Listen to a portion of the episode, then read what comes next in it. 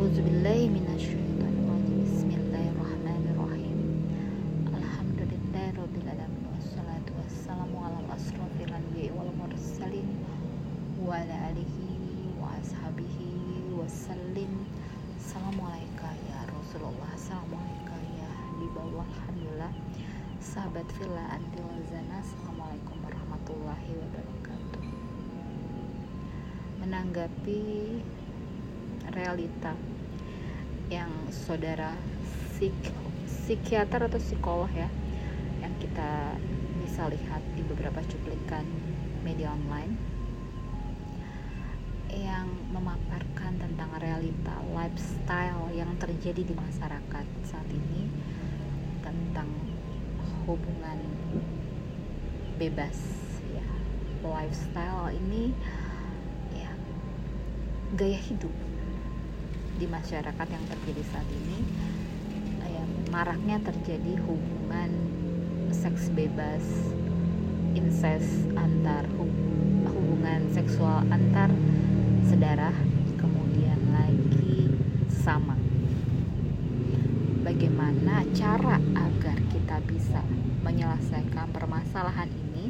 Tentunya dengan izin Allah. Segala sesuatunya kita mohonkan kepada Allah agar keluar dari permasalahan.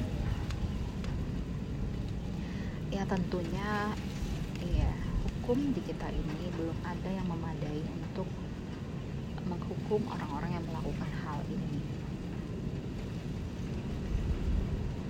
Dan tentunya segala perbuatan buruk yang manusia lakukan tentunya akan kembali kepada orang tersebut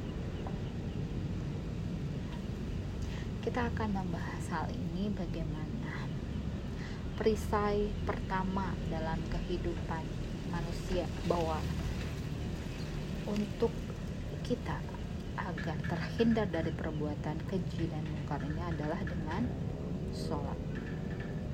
Bagaimana sholat ini bisa bisa menjauhkan diri kita dari perbuatan keji dan mungkar bagaimana sholat ini menjadikan diri kita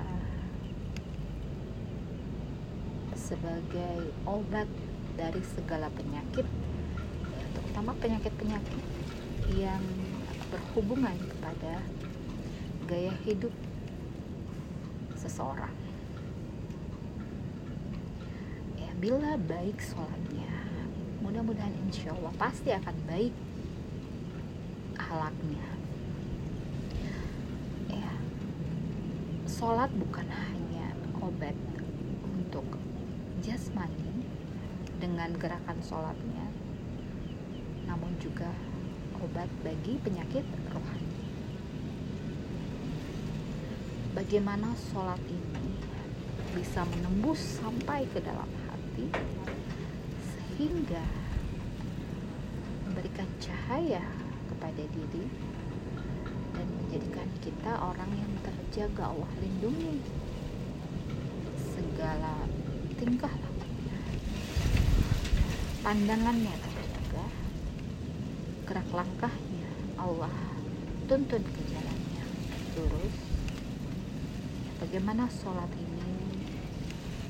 Tentunya dengan dosis satu satu hari sebanyak lima kali kita melaksanakan sholat di waktu-waktu yang telah Allah tentukan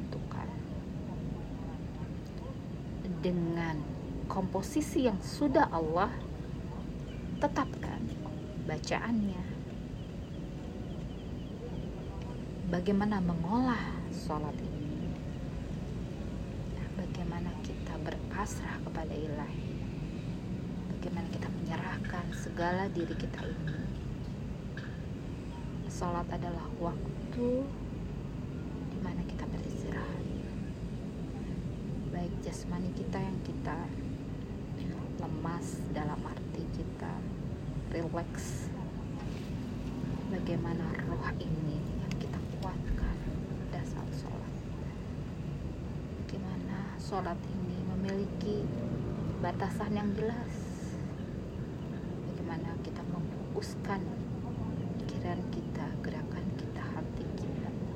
Apa yang kita ucapkan apa yang kita kita dengar semua teruntuk Allah semua kita tujukan hubungan kita dengan Allah.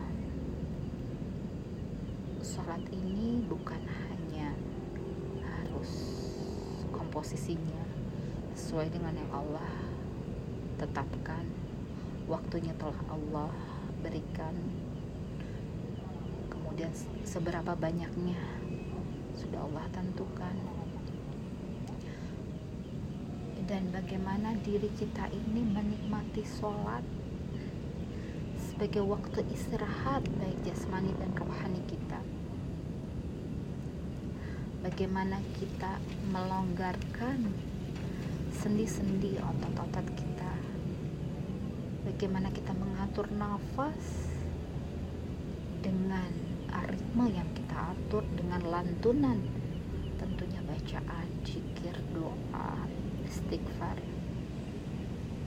tasbih tahmid semuanya mengalun mengikuti udara yang keluar dan masuk pada saat sholat. Tentunya diatur sedemikian rupa.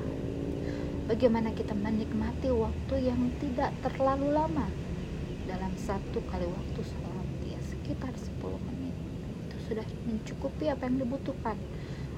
Jasmani berupa sendi-sendi, peregangan otot, ya, gerakan-gerakan yang tentunya dibutuhkan oleh kesehatan tubuh kita, kesehatan sendi-sendi organ tubuh kita, kesehatan pernafasan kita, kesehatan aliran darah di tubuh kita. Bagaimana kita mengatur ritme bacaan, mengatur nafas yang tentunya bila nafas kita diiringi dengan lantunan zikir, tuntunan doa itu adalah pemenuhan kepada nutrisi jasmani serta rohani kita.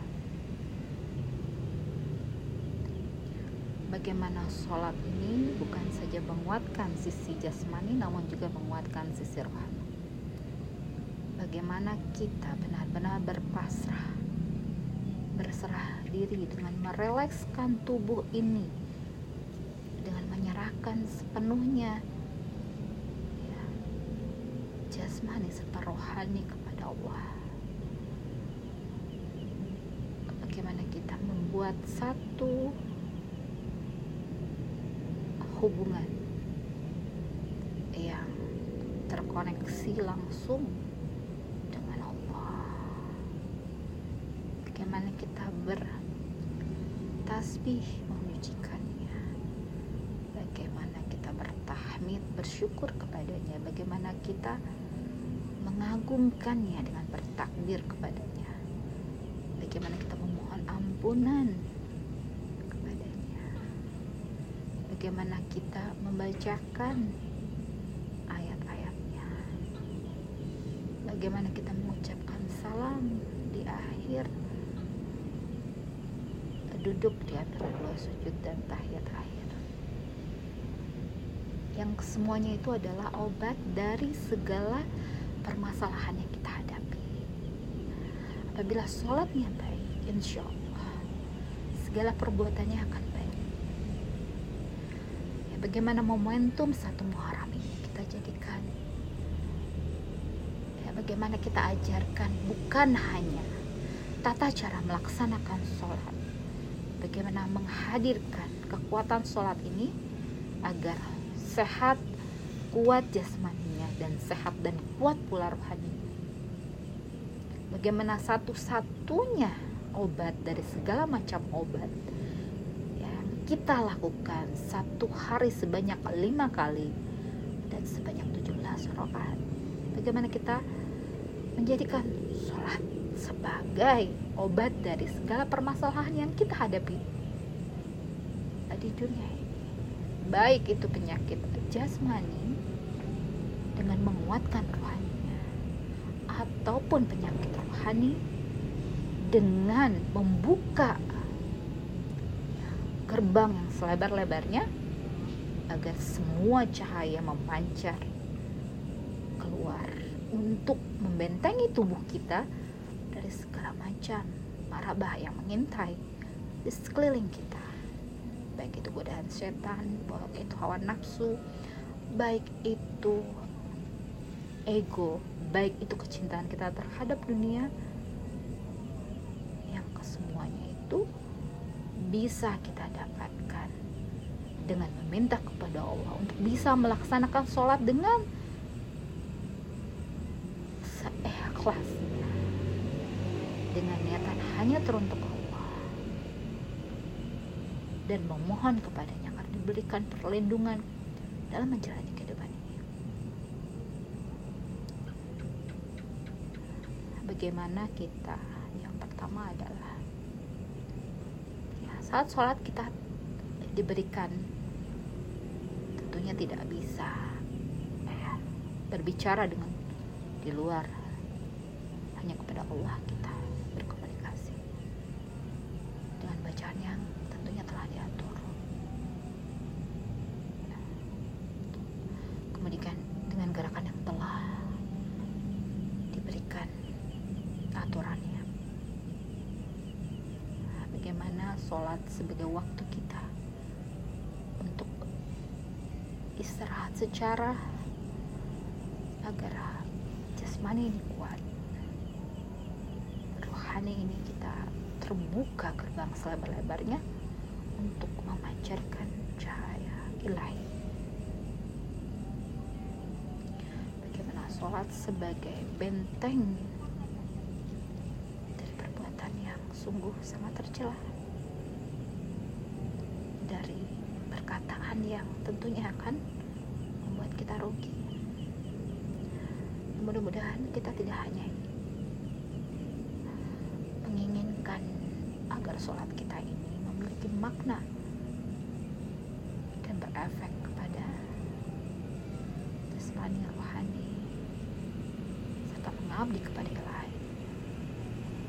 Namun juga sebagai solusi dalam menghadapi tantangan era digital saat ini bagaimana gaya hidup sudah sangat ya di luar batas. Seharusnya manusia itu bisa mempergunakan apa yang Allah berikan kepadanya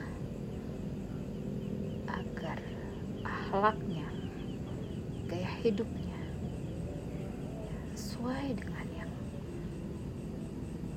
dibutuhkan oleh manusia untuk menjadi makhluk yang insan kamil, makhluk yang ya, memberikan menebarkan cahaya ke mana-mana dari sholat ini. Ya, cahaya dari masing-masing orang akan memancarkan energi yang luar biasa agar kehidupan ini menjadi terang, tidaklah redup, suram ataupun gelap sehingga ya, otak-otak kebinatangan yang memperturunkan hawa nafsu serta bisikan setan serta kecintaan terhadap gaya hidup yang sungguh sangat menjijikan. Itu bisa kita tanggulangi dengan kekuatan dari ibadah kita sehari-hari yaitu sholat. Semoga sholat ini ya bukan hanya mencegah dari perbuatan keji dan mungkar namun membuat diri kita jasmani dan rohani kita sehat bahagia dan nikmat serta kita mendapatkan sebuah relaksasi serta sebuah energi yang tentunya membuat diri kita menjadi bahagia, tenang, dipenuhi dengan rahmat dan cahaya agar kita bisa sampai kepadanya. Alhamdulillah Subhana rabbika rabbil izzati amma yasifun wassalamun ala mursalin walhamdulillahi rabbil alamin. Wabillahi taufiq wal hidayah. Assalamualaikum warahmatullahi wabarakatuh.